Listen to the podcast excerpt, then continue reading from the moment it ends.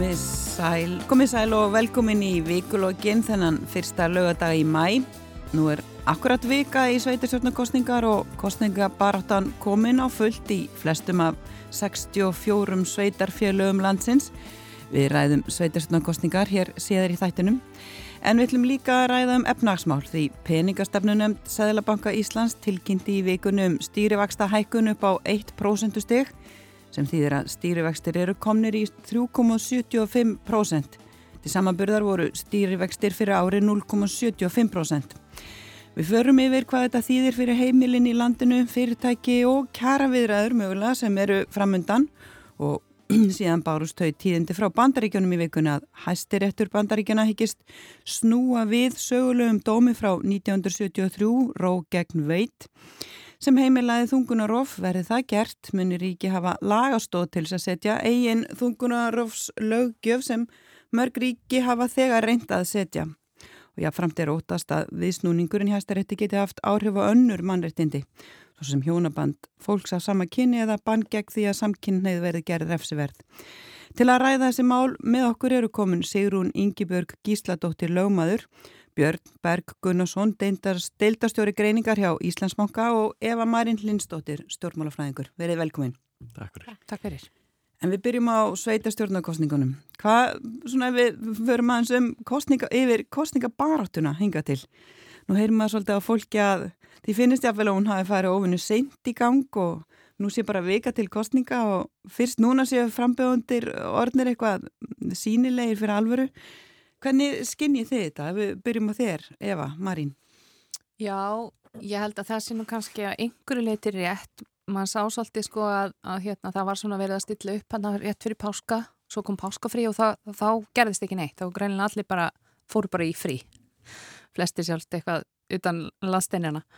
Og, og svo sér maður svolítið sko hvernig svona hérna, lesanda brefin byrja að byrtast og, og þú veist að það verður svona meiri sínleiki hérna, eftir eftir sko páskana. En auðvitað náttúrulega erum við, við erum að kjósa núna halvu mánuði fyrr heldur við höfum gert áður. Og, og mögulega getur það haft eitthvað að segja sko að, að semst, við séum kannski ekki bara búin að læra nýjan takt. Og, og ég finn það bara í mínu starfið þar sem að ég er svona oft kannski beðin um að hafa skoðanir á hlutunum í kringum sveitstunumkostningarnar að, að semst, þetta raunni byrjar á mjög svipun tíma.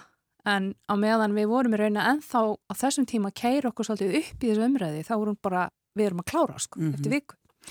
Heldur að geti eitthvað spilað inn í, þú talar um að það verið að kjósa núna tveim vikum fyrr, heldur að geti spilað inn í kannski þennan svona, svona ákveð, ég veit ekki, áhuga leysi að við erum bara nýbúin að fara í gegnum kostningar? Ég veit það nú ekki, sko, það var nú, ég var nú hérna í gæri það sem ég var með Gretari Þóri Eithórssoni, profesor á Akureyri, þar sem hann er mitt bent á það að, að sko frá 2000 leiklega þá er búið að kjósa 19 sinnum og, og þannig að það er svona jafnaði ein, einu kostningar á og það er svo sem ekki held að verið þannig. Um, þannig að er ekki, þetta er ekki eina skipti sem að, að það er stutt á myndli kostning og það var það reynda líka var ekki, það var kostið þarna 2017 og svo aftur um voru 2018 þegar sveitastunum kostningarnar eru. Þannig ég er ekkit, ég er ekkit endilega viss um að þetta sé e, það, ég held að sé eitthvað annað þá frekar. Mm. Hvernig skinnið þið þetta Björn ef að svona, þú horfir svona heilt yfir, finnst þér finnst þér þetta að vera að fara setja í gang? Eh, finnst þér málefna, svona, málefna sín flokkana nógu skýr og, og frambjóðandur nógu sínilegir? Já, ég held að, ég held að þetta eitthvað annað sé ágætis, punktur. Að, uh, tilfinningi sem ég hef, bara svona þegar maður finnur fyrir suðinu í kringum sig úr þessari litla kostningabartu sem er, að hún sé kannski frekar fólk að reyna að, að reyna að samfara aðra um það að það sé allt einhvern veginn ómögulegt en svo segir fólk neina þetta er nú bara svona þokkulegt eins og þetta er. Að víðast hvað er mörgum sveitafjölum að þá er svona svolítið lítið um einhverja einhver, að, að, að fólk sé að e, skipta sér í fylkingar þannig að annarkvært sé allt ómögulegt eða ekki og, og á þeim stöðum þar sem reyndi vera að fara á stað með slíka umræðu að þá hefur hún ekki ná neinu flugi að því maður hefur séð á okkurnu stöðum hafa stjórnmálaflokkar ætlað að fara með þetta af stað. Það er bara hundlega búið í Reykjavík, það er bara allt ómögulegt í Kópo eða Seldjarnis, bara Rinja eða eitthvað svona.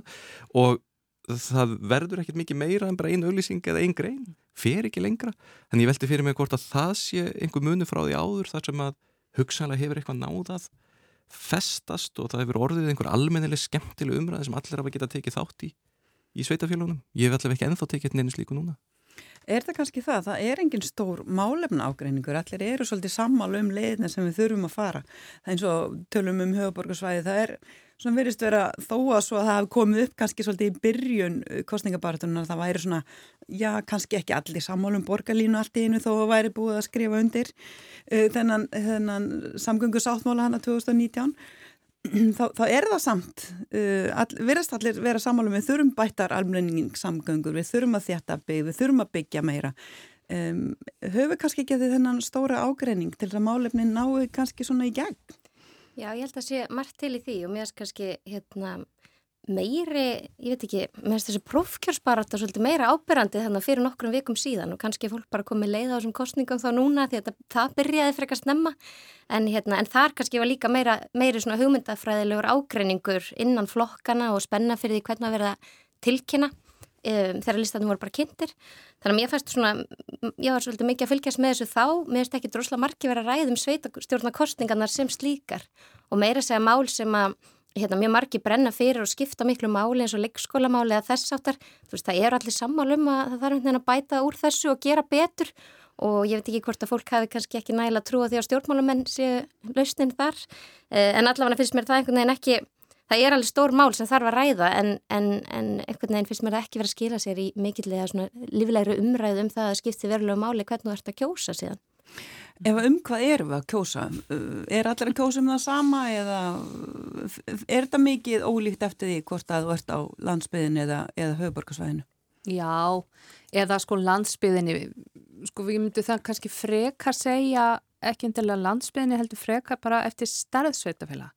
Þess að minni samfélögum að þá er meira verið að kjósa sko fólk. Þú ert meira að horfa á bara fyrir hvað stendur þessi manniska er líklegt hún muni standa við hún segir, get ég sko treysti að þetta, þetta fólk muni sagt, rauninu bara standa vörð og um hagsmunni okkar samfélags. Um, á meðan að þú veist í, í þessum stærri sveitafélagum þar sem komin í, já allavega yfir 5.000 íbúa að þá er fjarlægðin við almen, almennings við hérna kjörnum fulltrú og miklu meiri það er ólíklar og þú þekkir þú persónulega.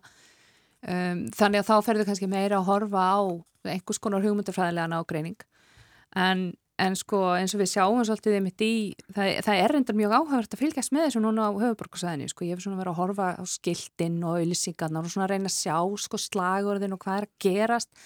Og það er eitthvað neginn sko það er svona, ég sá einmitt áðan, ég var að koma hérna sko bara breytingar. Og svo kom, það var einhver, einhver sem sagði sko viljum Reykjavík sem virkar og, og, hérna, og við viljum breytingar strax En þetta snýst samt einhvern veginn allt um það að, að sko, þess að var komið inn á, sko, við viljum öll góða samgöngur. Þetta er svona spurning kannski um aðeins leiðina og, hversu, og hvað steg við veljum. Við viljum líka öll góða leikskóla en við vitum það náttúrulega að, að sko vandin leikskólan hann er kannski ekki alveg öllu leiti í höndum sveitafélagana. Hann snýst svo mikið um mönnunavandamál og það er, er sko, hefur líka með að gera sko, uh, semst að svona bara viðhorf til þessara, til þessara mentunar og viðhorf til þessara starfs í samfélaginu. Þetta er ekki bara það að, að sveitafélagin sjálf geti sagt já nú ætlum við að ráða fimm manns í viðbót vegna þess að þessar fimm mannskjur eru kannski bara ekkert þarna úti til, a, til að ráða sko. En við tölum aðeins um þessa uh, starð sveitafélag. Nú er minnsta sveitafélag með 42 íbúi ef ég mann rétt um, og, og, og varðla hægt að færa rauk fyrir því að slíkt sveitafélag sé sjálfbært uh, sérstaklega hvað var það svona þjónustu, félagslega þjónustu og sínt sig að eftir því sem að sveitafélagin eru minni því minna fjármagn fer í félagslega þjónustu vegna þess að það er bara ekki bólmagn til þess að veita hana. Eru við í stakkbúin til þess að taka þessa ákvörnu sjálf um hversu sveitafélagin eigi að vera lítil. Það voru áformum það að fara í þvinga saminningar en fallist frá því, fallið var frá því. Um, þurfum við ekki að taka svona vera áraðunari í ákvarðunum um þessi mál? Það er náttúrulega, ég er í lögum að, að sagt, við höfum, við, það er þessi réttur íbúin að kjósa um sagt, landfræðilega mörg sveitafélagsins. Þannig að, og, og það er bara í sveitistunulegu. Um, ég held að sé kannski frekar sko, við, það er ekkit óþægt í öðrum löndum líka við séum með pínlítur sveitafélög sem fá aðra til þess að vinna verkefni fyrir sig, eru í samstarfi eða kaupa þjónstuna einhverjum öðrum. en, en það sem ég held við kannski þurfum bara að fara að gera vegna þess að við höfum á síðust 30 árum þá höfum við verið í mjög miklum kerfisbreytingum á setjastjónstíðinu. Það hefur breyst í rauninu meira á síðust 30 árum heldur það gerði eiginlega 100 árin þar og undan. Þannig að, að við þurfum kannski bara að fara að velta fyrir okkur af einhverju alvöru sko hvað viljum við að sveitafélagin geti gert og hvað viljum við að þau geri og, og komast kannski á einhvers konar samkomiðlega um það hvaða starð sé þá heppilega til þess eða þá að taka ákvörðunum það að við bara sættum okkur við það sem sveitafélag séu einfallega bara fámennari og þau kaupi þá bara þjónsta af einhverjum öðrum og bara við tökum einhvers konar ákvörðun um það hvers konar kerfi við viljum hafa. Og út frá hvaða forsöndu vegna þess að manni finnst einhvern veginn að þessi umröða hafi verið tekin svolítið í tengslum við uh, þessa skýslu sem var gefin út fyrir örfáum árum um svona hagfamni í stærð sveitafélaga og, og svona, svona undirbúningur að lagabreitingum í framhaldinu en, en síðan gerist ekki neitt. Um, hver þarf að stýra þessari umræði? Þarf þetta að vera bara svona, svona ríkistjórn sem taki af skarið eða er það sveitafélagin sjálf? Sko einhverju leiti snýst náttúrulega þessi ágreiningur, þetta er hugmyndafræðilegur ágreiningur. Hann snýst um það hvort að, að, að við ætlum að horfa á hagkvæmni og skilvirkni sem, sem sættur raunni að það sem megin hlutisk sveitafélagin sé veit á þjónustu og það þurfa að gera þá kvæman og skilverkan hátt. Uh, hinn þátturinn er að þetta eru líðræðslega reyningar. Það er körið til hérna, sveitastjóna með hérna, líðræðslega hættu, þetta eru beina kostningar og, og þetta fólk hefur, sagt, það hefur rauninni stjórnun þessa, þessa samfélags á sínum höndu næstu fjögur árin. Um, vandin er hins að sá að þetta tvent fer ekki alltaf saman og hag, veist, það er mjög erfitt að hámarka líðræðið og hagkvæmuna sama tíma og þetta, og þetta er í rauninni það sem að eh, sko átökin hafa rauninni snúist um eiginlega bara, já ég ætla bara að lemur fullur af allstaðar, það sem við erum að taka ákveðinu um skipulega á setjustandstíð mm. viljum við hafa einingarnar litlar þannig að námdinn sé mikil en verkefni sem þau hafa eru kannski ekkit mikil þannig vissilega fá íbúinir að kjósa en þeir eru kannski ekki að kjósa um neitt opaslega stóru mikil verkefni. En það viljum við hafa sveitaföljum sem hafa opaslega mikil verkefnum og eru mjög fjárháslega sterk og öflug en eru kannski ekki eins svona uh, sterkar líðræðslega reyningar en á móti kemur að sko Danmörk fór þá leið að skipulega sitt sveitastund sig alveg gjölu á fröphafi það bara kom bara top down, það kom bara ofan og þá bara tekin ákvörðin og og, og þeir kjósa á sambræðilega hátt til sína sveitastjóna og við gerum. Og við myndum aldrei segja að Danmörk væri ekki líðræðslegt ríki.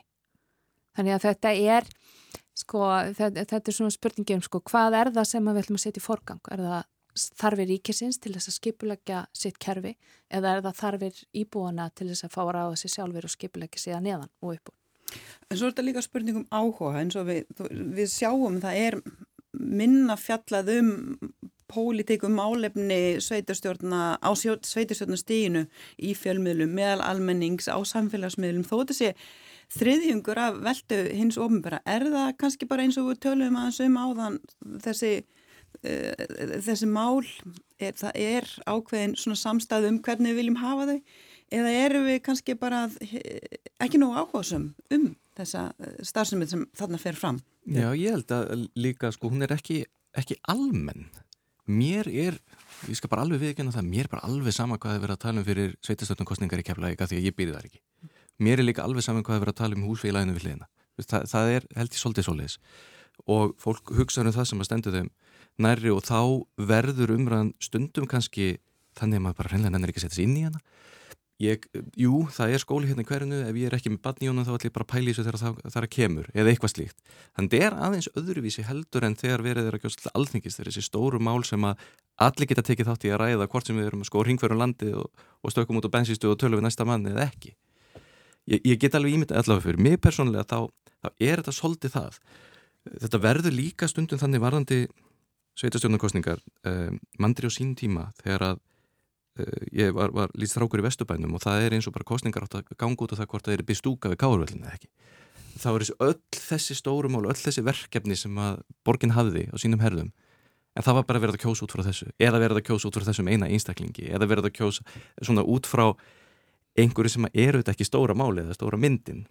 Kannski verður það til þess að sveitin stjórnumálin verða ekki einn skemmtilega spennandi eða að maður reynlega bara tekur pásu af og til frá því að hafa einhverju raunverulega skoðanir á þeim.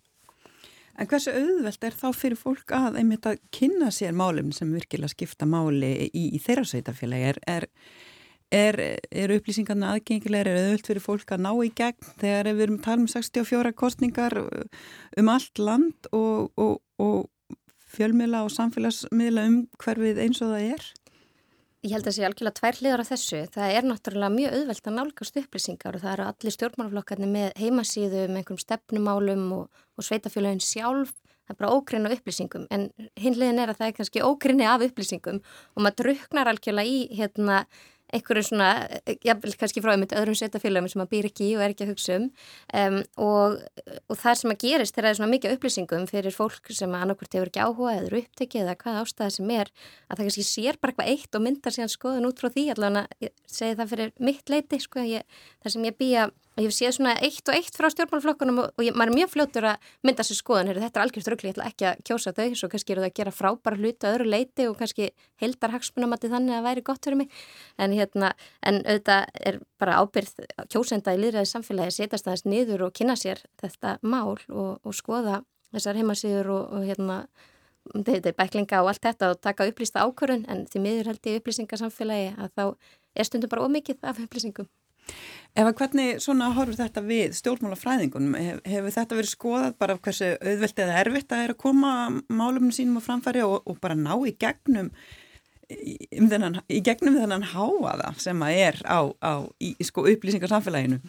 Já, ég hugsa að það hefur nú verið kannski semst, þeir sem hafa verið að einbetta sér að svona fjölmiðlum og samfélagsmiðlum, sko, þeir hafa eitthvað skoðað þetta en, en sko En það er kannski líka með það sem að hefur svona aðeins verið bent á að, að mitt í þessari, það sem við getum kannski að kalla upplýsinga óreiðu í nútíma samfélaginu, að þá verði svo erfitt að komast í gegn.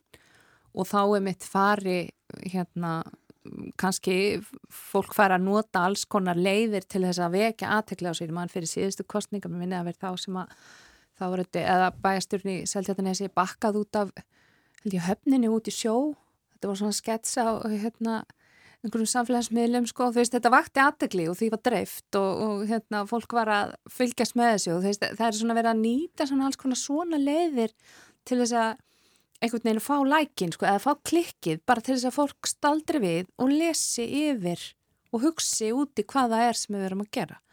Vegna þess að, að eins og þið segi sko að við vitum þannig alltaf bara fyrir 30 ára síðan við tökum bara þann pólu þá þá voru bara allir að horfa fréttinnar þá voru bara fréttir á stöð 2 og svo fréttir á, í sjálfinu og, og það var það eina sem var í bóði en núna er það náttúrulega bara þannig að það er bara stór hluti fólk sem að kannski horfir ekki á fréttinnar, fylgist ekki með endilega fréttamöðlum, er bara inn á einhverjum samfélagsmunni, YouTube-brásum eða Twitter eða TikTok eða hvað það er. Og þú þart náttúrulega að ná til þessa hóps líka. En ef við skiptum aðeins um kurs og förum yfir í efnarsmálinn Björn útlitið er ekki bjart, Sæðlabankastjóri sæðist í fyrirsta vonast til þess að Sæðlabankin þurfi ekki að kera efnaðslífið í kreppu til að ná verðbólkunni niður og, og það er ansi sláandi orð.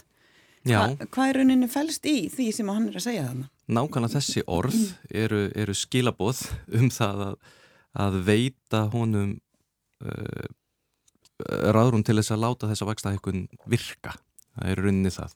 Þessi Sæðlabankin var að gera núna með þessari vaksta hækkun eh, það var alls ekkert óvænt hvorki þessi tiltekna hækkun núna nefn bara almennt að við séum stætt í vaksta hækkunarferli það var alveg fyrir séð að eftir COVID að þá þyrta að hækka vexti eh, nema að verbulgan væri hér bara sam og engin.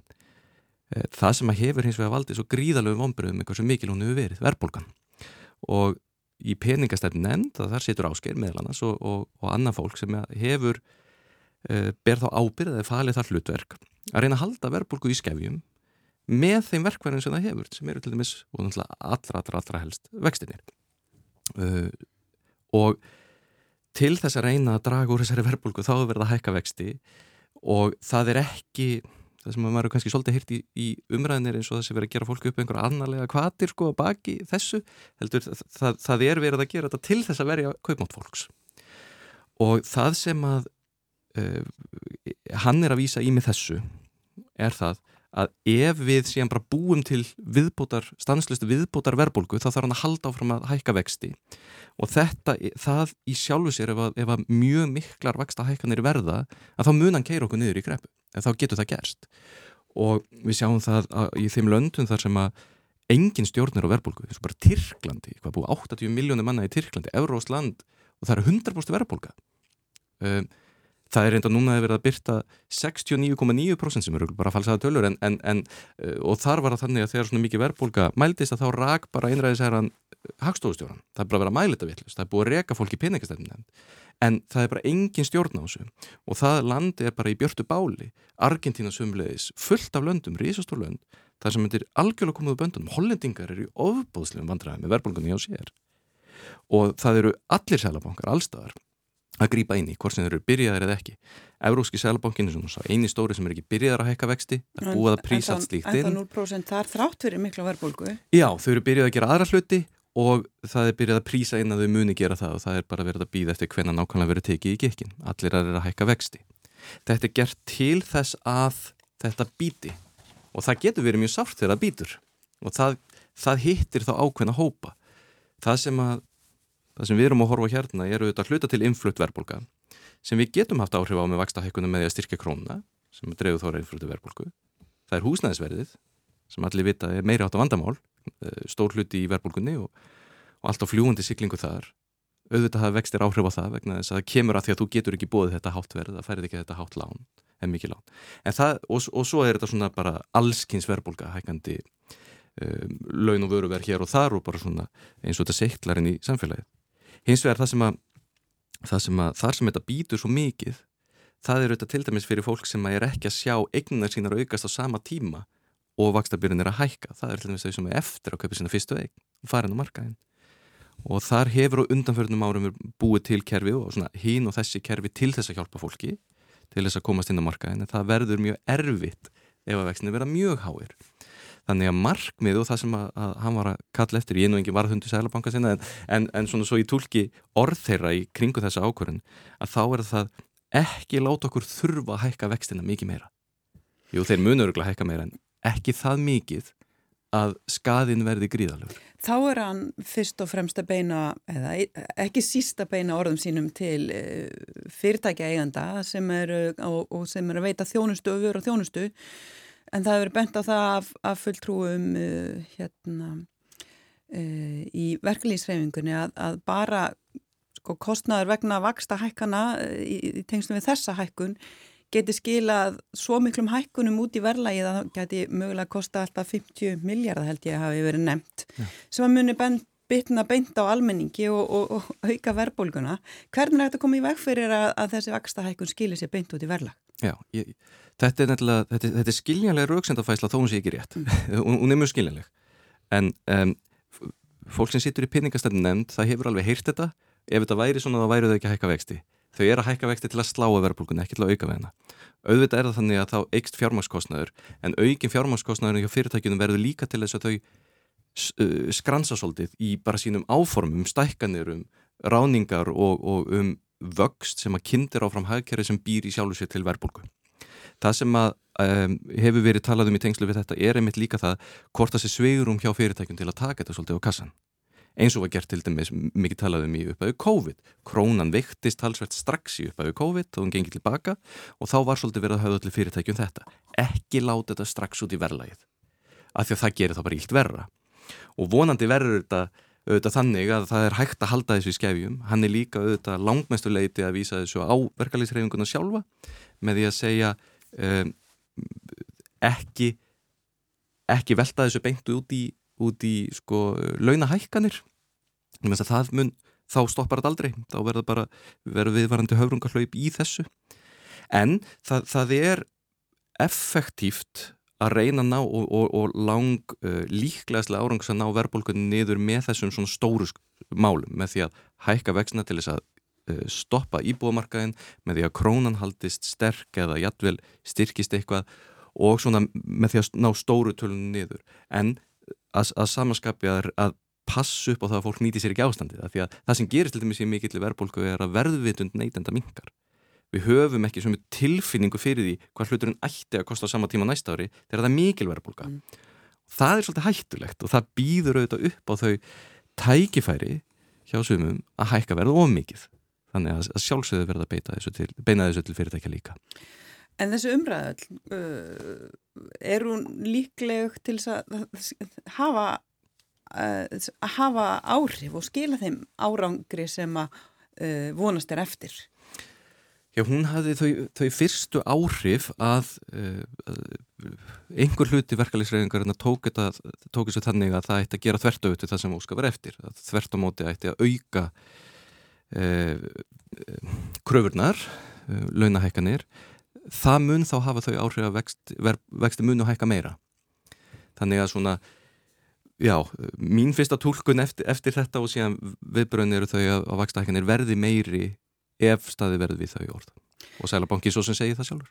Hvernig er svona ykkar upplifun að, bara heyra í fólki kringum ykkur varðandi það sem er, er framundan bara í efnagslífinu og, og, og svona í kjaraviðræðunum sem er að koma við, við sjáum það öll að matvara er að hækka, nöðsynni var er að hækka, húsnæðisverð er að hækka en launin okkar er ekki, er ekki að hækka svo, svo kemur þessu umræðu um að, að við verðum svolítið bara að taka þetta á okkur fyrir, fyrir, fyrir efnagslífi í landinu. Skinnir þið að það sé skilningur á því að, að það þurfi eitthvað að svona, taka þetta svona, svona inn í stórumyndina hvaða væntingar fólk er að gera til kjærasamninga þegar þeir losna margir í haust?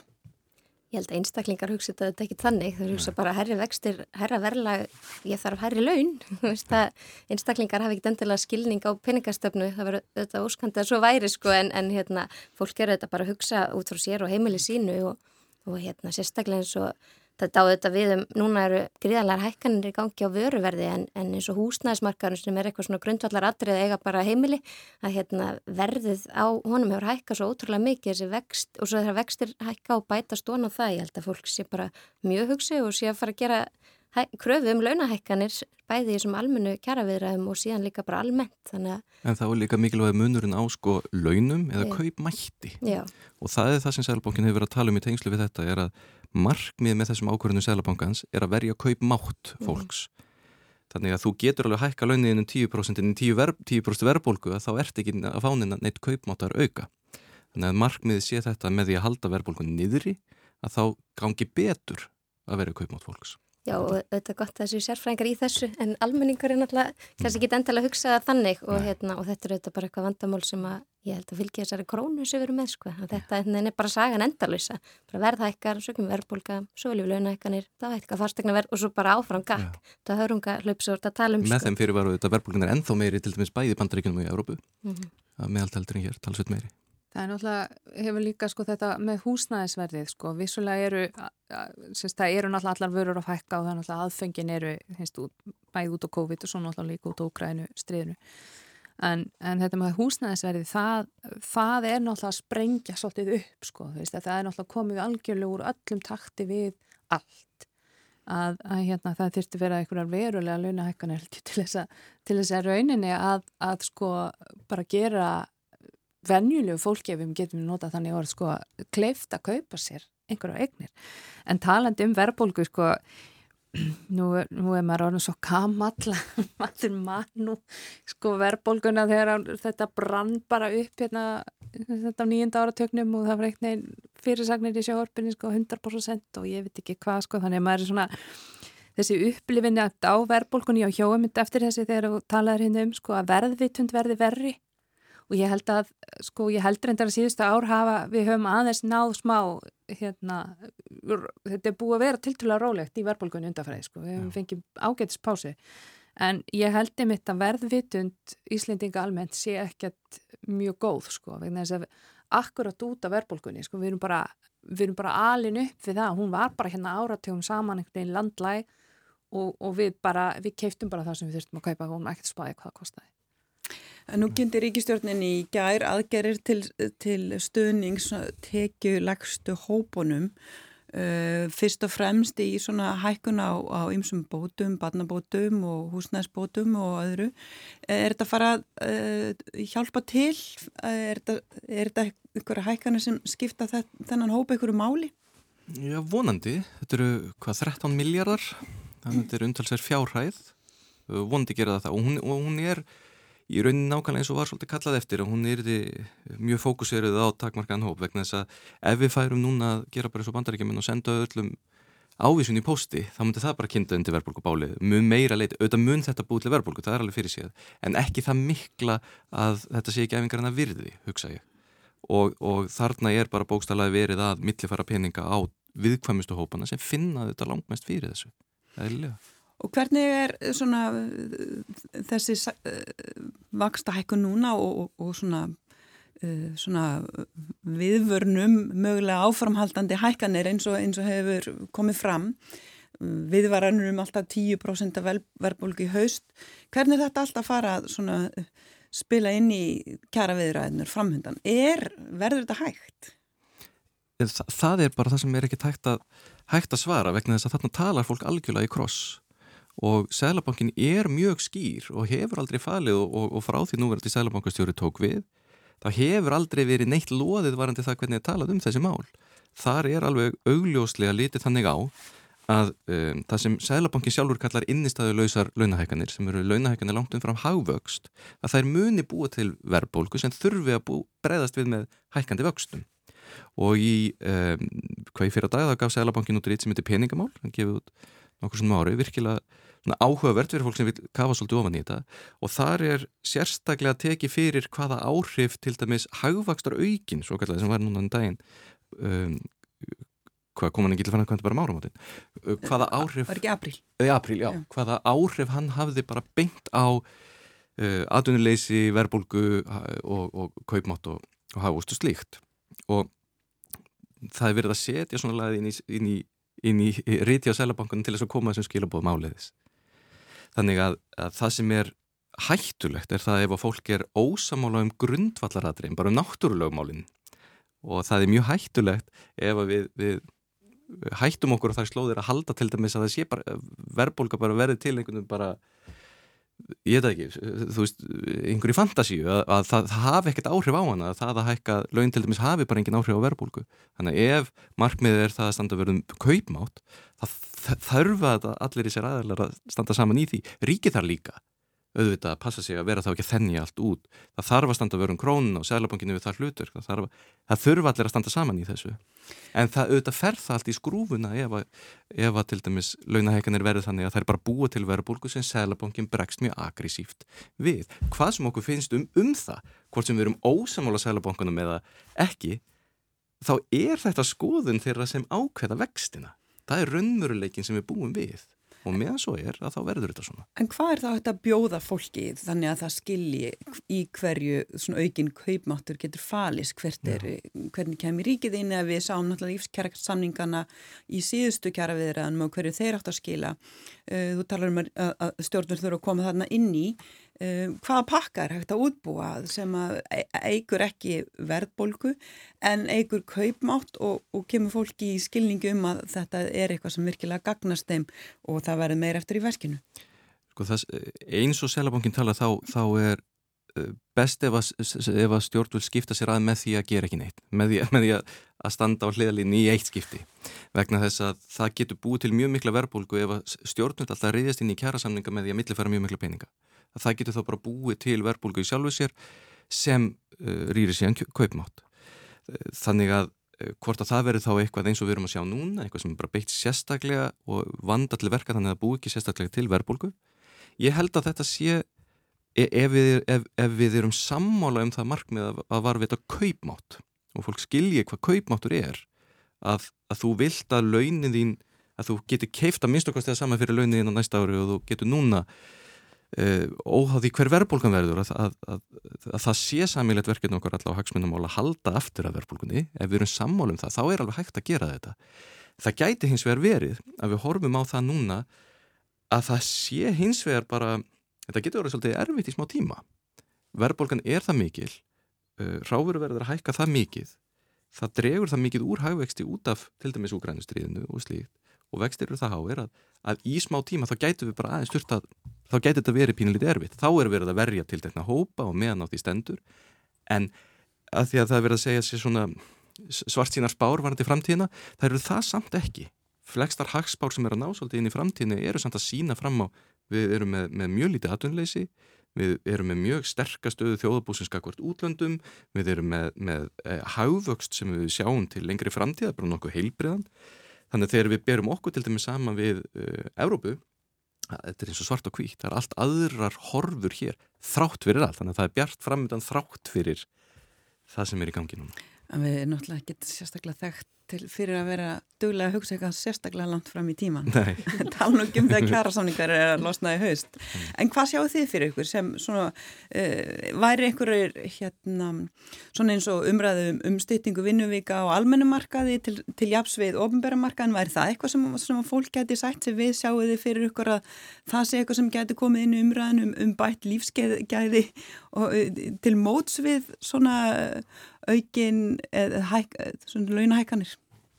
Já, ég held að það sé ymslegt sem er hægt að ræða og svo finnst mér alltaf svo sérstakt að tala um kjara viðræður almennt því að staða fólks í landinu er þetta mjög ólík. Mér finnst mér sláandi til dæmis að lesa um hvað verður hátt hlutfall á Íslandi að fólki sem er vinnandi en fátækt sem tengist á þessum bótum sem verður að bæta inn og maður vilja alltaf gera betur þar. En ég held að þessi svona hagsmunir séu ansi ólíkir. Fyrir suma þá er bara mjög brínt að auka kaupmáttin í hverjum mánuði fyrir aðra er þetta hérna ræðum eitthvað, e-, eitthvað skonar önnur kjör og þetta hlutir eins og stýtting vinnuveikunar er eitthvað sem gagnast öllum en þetta er algjör fórsend að þú fáir greitt laun sem þú getur lifað á og svo eru aðrir sem eru með miklu hærri laun og eru að hugsa um annars konar kjör, hugsa í frekar sko. Mm -hmm. já, ég, já. já, ég held að þetta sé alveg rétt sko en þess að, að það er það er náttúrulega við erum sko mjög mjög ólíkar þarfir og, og hérna og og þessar þegar það verið í þessum kjara veriðarum og þá náttúrulega kauphækkanir þær hafa náttúrulega, eða launahækkanir þeir hafa náttúrulega, sko þær þær gagnast láta hópum misjaflega vel og það er náttúrulega stómtum við bent á það til eins og prósöntahækkanir að það er hækki oft launin hjá þeim sem eru sem sagt, með herri laun. Þeir græði meira áslíkum hækkunum heldur en, en hinnir um, en svo er náttúrulega það hefur náttúrulega verið bent á það að á sko svona bótakerfið almennt að það hefur verið dreyið mjög úr sem sagt svona bótum til legstu tekjuhópana. Þannig að, að og þeir sem að syns, tala fyrir slíkum nálgunum, þeir hafa myndið bent á þetta að, að þarna væri möguleiki til þess að koma mitt bara til þess að aðstáða þennan hóp sérstaklega vegna þess að, að við vitum það náttúrulega eins og myndist á hérna sko, að það er, er tölfur hópur af fólki á Íslandi sem að er vinnandi en samt fátækt og það næri rauninni að valla endum saman og og þá er mitt veldur maður fyrir sér sko hvers vegna það sé ekki hægt að, að sko gef þess að, að þetta fólk getur fengið barnabætur eða vakstabætur eða hvaða er sem að, hvers konar bætur það eru sem að henda þessum hópi en ekki einhvers konar, sérst, en ekki þeirri hópar sem eru þá með í rauninni miklu miklu hæri tekjur og hafa ekki eins miklu þorfir. Björn, er þetta eitthvað sem að ætti að vera á dagskrá hjá, hjá stjórnvöldum í þessum kjærsamling þú nefndir á þann að það væri spurning hvort það ríki eftir hennilega að halda sér höndum í, í þetta skipti en er þetta ekki eitthvað sem að gæti komið þarna inn uh, bætt kjör í gegnum bótakerfið hjá þeim sem minnst hafa mill handana? Það er alveg, jú, það, það er að sjálfsögðu eins og verið hef, hefur talað og, og, og var rauninni gett líka bara síðast þar sem var mikil kjara rýrnun hjá launa hæstuhópunum en, en, en vegna króntulahækana eins og meiri hjá, hjá öðrum uh, þá var verið að jafna geysilega mikið uh, tekjur fólks.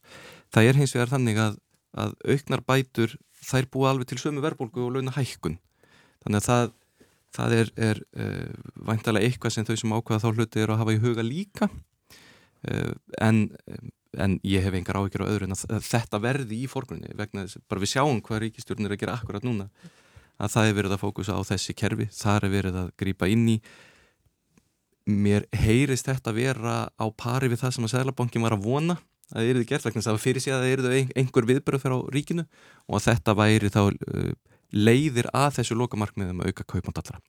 Þetta væri þá svona minnstu mögulegu viðbröð án þess að auka verðbólgu meira heldur en uh, hægtir að komast hjá. Ak akkurat, ég minna annað sem að væri mögulega hægt að gera er hreinlega bara hægt að skatta uh, en það hefur held ég ekki eins og bara komið til tals í pólitíkinu þannig að, að það er ólíklegt að það verði. Ef við vundum aftur hvað ykkur er kross og förum til bandarækina og ræðum aðeins þessar sláandi fréttir þaðan varandi mannöldindi hvenna, segir hún farðið hans yfir það fyrir okkur hvað þessar fréttir þýði í rauninni og, og hvernig þetta getur gerst að hæstiréttur geti snúið við þessum sögulega dómi sem halvra aldrar, aldar gömlum dómi sem að hefur stöðut verið vísa til í tengslum við þungunarófs umræðina í bandaríkjunum. Já, það bárist þarna fréttir í vikuna því að, að það lágu drög að dómi. E, þau verist vera einhverja vikna gömul þessi drög og hafa kannski tekið einhverjum breytingum en, en þarna e, er að finna raukstunning meiri hluta hæstaréttar bandaríkjana fyrir að hérna, taka algjör og uppeyju frá dómafordæminu Ró gegn Veit sem var e, frá 1973 og þar kemst hæstaréttu bandaríkjana þeirri niðurstöðu að það leiði að 14. viðauka stjórnarskrarnar að uh, það megi ekki banna þungunarof og þetta er svona ákveði leikilatriði út af mununum á alríkinu og svo sem 50 ríkjum að e, það sem að e, niðurstaðan hann að 73 hún rauninni segir ríkin meiga ekki setja hvaða reglur sem er um þungunarof. Þungunarof er leifilegt og það brota stjórnarskrarni að banna það. En þessi niðurstaða eða þessi dröga niðurstuð er að segja algjörlega gagstætt og hérna fyrir okkur er þetta kannski svolítið sérstakt að þessi að þetta bara breyta lögum eða tólkun laga sem eru þau sömu en það er búið að vera umræða e, í rauninni frá því að þessi dómur fjall 1973 um hann og hvort hann hefði gengið of langt og hérna andstæðingar þungunarós hafa þetta verið að hjóli í hann alveg frá þeim tíma. Það sem að mér erst svolítið sérstakt í þessu er um, að þessi ákvörnir auðvitað tekin af hæstarétti hér á Íslandi og í Evrópu og, og, hérna, og í ríkjónum 50 Þar hefur verið tekin e, ákverðun um þetta líðræðislega. Það er ykkur löggefir sem setur bara lögum það að þungunarof sé leifilegt. E, en í bandaríkjunum að þá náðist ekki svona líðræðislega samstæða um þetta heldur er það hæstiréttur sem að dæmir bara á grundveldu stjórnarskarunar að það sé frelsi hvenna að taka þessu ákverðun. Og, um, og það þýttir bara að að hérna, líðræðislega umræðin, hún bara hætti. Það er fólk hætti að tala um það að koma sér gegnum þingið og hérna báðar hliðar, það, þú veist, það hefur eiginlega enginn þórað að reyfa við þessu og það er umræðin sem við erum að sjá þá núna er, herðu, við þurfum kannski bara að taka líðræðislega ákvörðun um þetta hjá alríkinu. En þetta er tólkun á uh, ákvæði stjórnarskranar, þessu, þessum 14. viðöka sem er svona dál til súpa réttinda, þetta er ákvæði sem er sett þegar þræla hald var afnumið og hérna 13. viðvíkinn tekur, tekur á því og 14. hann talar um jafnrétti fyrir lögum en áhört nokk þá er það ekki á, það, sá hluti ákvæðisinn sem eftir skoðunar hér heldur þessi réttur til þess að vera frjáls undan afskiptum stjórnvalda um, þannig að hæstiréttur hefur ekki litið svo á að þetta sé einhver mismunum gegn konum til dæmis, heldur bara þú, þú átt rétt á frelsi á þín megin líkama. Og, hérna, og, og það ger það líka verkum að það er aðeins öðuldar að hrópla í þessu, það er erfiðar að komast í gegnum um, þetta bann við mismunum sem er auðvitað mjög sérstætt að þeim finnst þetta ekki vera bann við mismunum og það er svona á sér sögulegar skýringar að það eru mörg dómafordæmi frá hæstarætti bandaríkjana um það að, að, að meðganga, það er ekki mismunninga konum að mismunna fólki á meðgangu og hérna sem er okkur fyrstu þetta bara mjög sérstækt en, en, hérna, en þetta er svona annað laga umkörfi. En það sem gerist er að, að í rauninni forsagan er, er þessi, þessi umræða sem er átt sér stað í, í 50 ár en og nú er, eru republikanar með meiri hluta í hæstarétt eftir, eftir uh, þrjárskipanir, Trump, uh, mm. dómara þar og það er þá í fyrsta sinn sem þeir hafa kannski fósundu til að taka þennan dóm til endurskoðunar Sko. Uh, en, en, en þarf eitthvað að gerast til að gert, gerist eða geta dómarar og, og bara tekið það upp hjá sjálfum sér að endur skoða hvaða dóma sem er? Sko ef ég mann rétt er líka meiruliti republikana sem tók ákvörnum um að leifa þungunarof og þá var hugsunin hjá republikunum að vera hérna, frjálsundan mm, afskiptum ríkisins einmitt, einmitt. í eigin líkama sko en nú er, er það hérna einhver önnur stefna. Já, nú er hérna, orðin önnur stefna á því. Sko, hérna, hæstiréttu bandarækjana hefur oft tekið einhvers konar uppeigur varðandi eh, réttindi fólks. Eh, yfirleitt hefur það verið í því skinni að auka réttindi. En hérna erum við að sjá uppeyju á því hvernig að það eru verið að hafa réttindi af konum sem er sérstætt og við hefum séð dóma þar sem að hæstirittur er að raukstiði að það hefur orðið einhver breyting að þeir stjórnaskráin hún er náttúrulega óbreytt. Og, hérna, og þegar að hæstirittur hefur verið að bæta réttindum við þá er hann að vísa til þess að það hefur orðið einhver breyting í samfélaginu eh, raukstuningurinn sem áður átti við, hann passi ekki lengur og svo framvegist. En það sem er sérstakt hér er að hæstiréttu segir bara, þetta var raung niðursta, 73 og nú ætlum við að snúa henni við. Án þess að það sé eitthvað raukstutt sérstaklega einhvern veginn, hérna, þessi einhverja breyta fórsundur. Einhver sérstök tilefni. Já, og þetta eru auðvitað svolítið svona sérkennlegt að því vorum að tala um líðræðið á þann að þetta eru náttúrulega ekki kjörnir fulltrúar sem er að taka þess ákverðun og það er stundum hættulegt að, að ætla að lögfræði sé svo hlutlaus að hérna, þú getur bara skipað einhvern hæstaréttadómara og, og hérna, þá sé bara faglega að komast að niðurstöðu punktur, sérstaklega þarna í þessu umkari. Þetta er bara sama lögfræðin sem er verið að tólka, það er bara ólíkt fólk að tólka lögfræðina. Þannig. En þú nefnir að þarna sé, að núna í kjörfæri sé komin umræðu um að þau þurfa að setja þessi lög hreinlega bara á, á alriki stinginu. Eh, er, hvað þarf til að það geti gerst og hvers vegna hefur verið svona mikil træða við að gera það?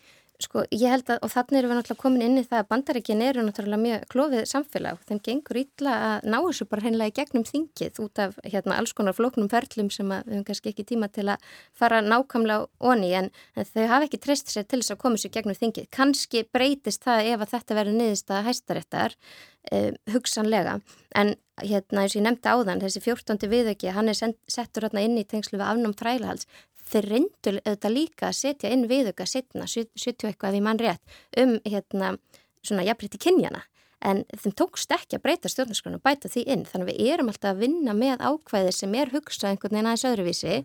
Um, en hæstiréttur hinga til hefur með tekist að þróa hægt og rólega oft hafa mörg mál komið og það er svona eitt skref tekið í einu að brjóta niður misrætti sem hefur viðgengist mjög lengi en það sem er í, í hérna, þessum dómi er að í rauninni verið að vísa til misrættis sem hefur viðgengist mjög lengi sem raukstunning fyrir því að það með ekki breyti þessu. Að því að domstólinn er að segja ef að við erum ætlum að bæta réttundum inn í stjórnarskrona sem kom ekki berum orðum fram þá þarf það að leiða af sögu þjóðarinnar. En saga þjóðarinnar er náttúrulega ekki endilega mjög falleg eða góð varandi grundvallaréttindi Hérna, og það og við hefum samkynnaðið konur uh, hérna, ólika kynþætti og svo framvegis þannig að sá mælikvarði sko hann er náttúrulega bara mjög vondur ef við ætlum að nota það þarna inni. En kannski ítir það þá við lögjáðanum að, að hérna bregðast við og bæta inn þessum gröndvallar réttindum e, Þingi getur auðvitað gert það að setja lög sem að gilda um öll bandaríkin, allríkis lög þar sem að kannski við, maður búast við þá er einhver mun reyna að nekja þeim lögum með, með hérna vísandi þess að þar sé ríki að fara út fyrir valdsvitt sitt eða eitthvað þess áttir og Þannig við munum alveg örgulega að sjá eh, dóma líka um það, jafnvel ef löggefn tekur þessu ákvörðun, en þessi dómur hann bara er mjög, hann sínir mjög mikið hversu klófin bandaríska þjóðin er um grundvallar atriði. Því þarna er í rauninni verið að þá, það verið að segja, ríkin 50 mega bara ákveða hvað þau gera varandi þetta, það þýður auðvitað ekki að þau munu öll 50 banna þungunarof. Það eru 13 ríkir sem eru með lög sem munu taka sjálfkrafa gildi ef þessi dómur fellur svona þá mun koma bann við þungunarof í 13 ríkjum sjálfkrafa. Það eru 22 ríki þar sem að verður verulega takmarkað þungunarof en svo eru önnur sem að eru að stíga í þá átt að vilja þá hérna útvika mjög möguleikana og hérna Kalifornia og fleiri og, og fólki fara að tala um að senda pillur með brevposti og fleira til þess að einhvern veginn bregðast við þessu. Til að koma til mótsvið íbói hinnum ríkjunum sem að þetta verður uh, bannað. Já. En svo líka tala um að þessi dómur ef að hún verið snúið við uh, geti haft aðra afleiðingara og önnur mannrettindi eins og, og hjónuband samkynnaðara og réttindi. Algjörlega, að því að þennan sama raukstunning má algjörlega nota til þess að komast þeirri niðurstöðu að dómurinn sem kosti þeirri niðurstöðu að hjónaband samkynneira væri leifilegt eða það væri bannað að bannaða að því væri, það væri yngripp í svona frelsi fólks. Menn ákala sama raukstunningi má náttúrulega vísa til þess að hérna, við erum með umröðlega sögu varðandi réttindi samkynneisfólks og, hérna, og eigum að byggja á henni veist, þess að taka þeim réttindi. Þetta er auðvitað bara mjög hættulegt og vond að hérna, ef að þessi niðurstað færa standa og, hérna, og það er dómurinn gætir henni komist að þeirra niðurstöðu að, að þetta mál varðar, þetta er frá Mississippi og varðar lögjöf sem að mælir fyrir um að það sé bann við þungunarofi eftir 15. viku en hæstiréttur er stann að taka þetta skrefinu lengra og segja bara að það má banna það alveg. Það væri hægt að komast að þeirra niðurstöðu að þetta mætti banna þetta eftir 15. viku án þess að afnema alveg dómafórta með ró. En hvað þýðingu það hefur að þessi drög hafi lekið og hvaða pressa mun koma þá á dómarna, það er svolítið erfitt að, að hérna, sjá það fyrir og það er svona, maður sér að það er umfjöldun um á báða bóa sko að þessu sé lekið til þess að tryggja að þetta verður niðurstöðan eða, eða þessu sé lekið til þess að reyna einhvern veginn að hjóla í niðurstöðuna en það er alveg ljósta að hérna, þetta er algjörlega fordæma lausar aðstæður að það leki drög að dómi. En er það ofta að, að, dómum er snúið við eða er þetta einstæmi? Um, það, sko, þetta er hérna, eins og ég segi, alltaf einstæmi að vera að taka réttinda af fólki. Það hefur verið, hérna, verið að bæta við réttindum og snúa dómum þannig við. Hérna, Ruth Bader Ginsburg, hún talaði oft um þennan dóm frá 73 og sagði að hann er hættilegur. Að að hérna, það er hægt á því að hæstirettur sem væri skipaður öðruvísi myndi snúanum við og hún var með annað mál sem hún reyndi að koma fyrir hæstarett á undan þessu sem var mjög fróðlegt því að það var það réttin að fara ekki í þungunarof að það var að kona sem var í flughernum og hún stóð frammi fyrir, hún var ófrísk og, hérna, og, og herin segir við hana eh, annarkvært þurfum við að segja þér upp eða þú ferði í þungunarof og, hérna, og Rúðbeiti Ginsburg vildi fara með það mál fyrir hæstarett og segja hérna, er ekki stjórnarskraf var réttur til þess að fara ekki í þungunarof fá þannig fram raukstunning um frelsi konar yfir eigin líkama og í framhaldinu er þið þetta í hérna niðurstaðan svo sama og það höfum við síðan til dæmis varðandi samkynneið. Sko, fyrstu málinn eru bara bann við að það sé refsivert. Síðan fer að vera svona almennt bann við mismunum og svo fyrir við að tala um einhver jákvæð eh, réttindi í hináttina að þú eigi rétt á að gera eitthvað þar að segja gifta þig. Þannig en þetta mál er öðruvísi að því leitinu til að þetta var, svona, það var mjög stort skref tekið einu og hérna, mikil gleði fyrir þá sem að voru fylgjandi þessu en það bjóði þetta til mikla reyði meðal annara. Sem er þá kannski grundvöldunum mitt að, að, að þessari póliriseringu í þessum málum í bandaríkjunum. Já, við séum það alveg síðan að það verið að reyna að snúa þessu fordæmi við. Eitt af því sem var talað um í, í, í uh, fórsettakostningunum síðast að, að það væri mögulegt að, að fjölga hæstrættadómum og það væri rauninu þörfu á að gera það bara vegna mikil smálafjölda. Það getur síðan spilað inn í hvernig er þið skipað í, í, í, í dómin í framhaldinu. Er, það er síðan ekkert verið mikið á dagskrá síðan. Sko það er aðeins búið að pressa líka bætin með þetta mm -hmm. og þessi snild kemur frá hérna Rúsveld að eftir kreppuna 28 um það leiti, á þriða áratögnum, þá fór hann að setja bara mjög mikið af lögum þessu njútil hérna, þessar stefnar sem njútil bjóð bara til alls konar lögjöf og var að gefa ríkinu nýtt hlutverk. Og hæstiréttur bandarækjana hérna fór að skjóta þessu lög niður og segja að þú er bara komið langt út fyrir valdsvið alríkisins að því það eru skil þarna á milli. Og hann sagði bara, já, heyrðu, ykkur finnst það frábært, að fjölga hæstaréttadómurum, þannig að alltaf þegar það verður sjötugir, þá bætist einn nýr við. Og þeir voru einmitt allir yfir sjötugt sem að voru að dæma gegnunum og um leið og hann hérna, tilkynntum þessa um, svona var búin með einhvers konar frumvarp tilbúið þá bara skindilega breytust dómarnir og, hérna, og allt í einu að þá mátti alveg ekki gera allt það sem hann vildi sko. þannig að hérna, sem sínir auðvitað, þetta er orðið svolítið pólitík inn í, þetta er allt öðruvísi umhverju hæstaréttar en við erum vön það sem er eitthvað svona fagleg, hérna, fagleg framgangur í starfi og, og hérna, mjög færi lögfrængar. Þetta eru auðvitað mjög færi lögfrængar líka en, en þeir hafa einhverja stjórnmálaskoðanir sem er ástæða þess að þeir eru skipaðirna eða þau. Þannig að hérna, jú, jú, þetta er eitthvað sem er hægt að gera og hérna, og svo er spurning hvort þú náir því í gegn ef þú nærði ekki í gegnum þingið að setja bara hreinlega lögjöf um þetta um, en þetta er kannski bara vond þegar stjórnmál er að skipta sér af, af domstólum yfir höfu þannig að þetta er sannlega komið inn á einhvern hálan ís var hann til aðskilna hérna, þrískiptingu ríkis í domsvald og framkvæmdavald en, en, hérna, en það er alveg ljóst að þetta mun kalla á einhver viðbröð í, í stjórnmálunum í bandaríkunum bæði á, á allríkislevelinu en líka innan ríkjana Verða áhugavert að verða fylgjast með í framhaldinu og miklir, miklir hagsmunur og mikil mannreitnindi í húfi. Algjörlega En hvað ætla að gera eh, við helgina? Björn, ertu með eitthvað plön fyrir daginn og morgundaginn? ætla að fara að taka til í garðinum eða um, njóta sólarinnar? Já, hvaða sóla? Það var sól henni í morgun. Já, já, já. Uh, jú, bara bókstafla það. Ég ætla bara að vera að hérna, rífa upp einhverja skriðsólei sem er að gera mig lífið leitt og hérna, reyna, já, reyna bara að vera eitthvað að vesanist í garðinum og, og vona að þetta gerist eins og síðust velkið sem klukkan var allt í norðin fimm. Þannig að ég, ég hlakka til, það er svona held í planið. Engin, engin, engin skildur sem kallaði um helgina? Jú, jú, alls konar, ég ætla bara að hugsa um þess einna, sko. Ég ætla nú bara aðalega að vera í garðinum. Eva, hvað ætlar þú að gera við þessa daga sem, að, sem að við fáum, fáum í frí? Já, herðu, það er náttúrulega, það er náttúrulega hérna vertið hjá mér, þannig ég verð hérna aftur í, upp í eftirleiti í fyrramálið. þannig það er svona það sem ég er að fara að gera núna, en, en jú, vissulega, þá er allar mann kannski reyna að nota góða verið. Ég er nú fulla hérna, ég er nú þeirra skoðanar að það getur verið gott veður þó að sólinn skýn ekki. Hefur þú trúið að verði góð þáttaka í kostningunum í næstu viku, næstu helgi? Já, nú spyrðu. Mm. Ég eiginlega, sko, ég vona það, en ég óttast að við munum ekki sjá betri kostningaþáttöku núna heldur en síðast. Og hvað heldur að valdi því? Ég held að, sko, því það er aðlega bara þetta að svona, þetta er bara svona tilfeng sem ég hef bara af því að tala við fólk, bara kollega og fólk svona út í samfélaginu að, að það svona ákveði svona margir einhvern veginn bara já, ég er ekkert þess að ég ætla að kjósa og, og svona fólk er ekki alveg svona, já, er ekki, ekki eins mikil stemning fyrir því eins og, og hérna hefur oft verið áður. En svo getur það nú verið, ég veist að það sé nú líka svolítið misjamt eftir svæðum, sko. Ert þú með plön? Herri, ég ætla að fara hérna á síningu hjá henni Helgu Björnsson, tísku eh, fata hönnuði. Hönnunumars. Já, á hönnunumars og sjá verkin hennar, hún var náttúrulega og er frábær hérna, listamæður og sjá verk hennar lifna við núna á eftir, ég held að seglinga 6.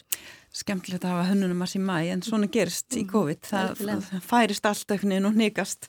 En þakka ykkur innilega fyrir komuna í dag, Sigrún Ingibjörg Gísladóttir lögmaður, Björn Berg Gunnarsson, deildastjóri greiningar hjá Íslandsmóka og Eva Marín Lindsdóttir, stjórnmálfræðingur. Hafa það gott það sem eftir er helgarinnar. Takk. Takk fyrir sem leiðis.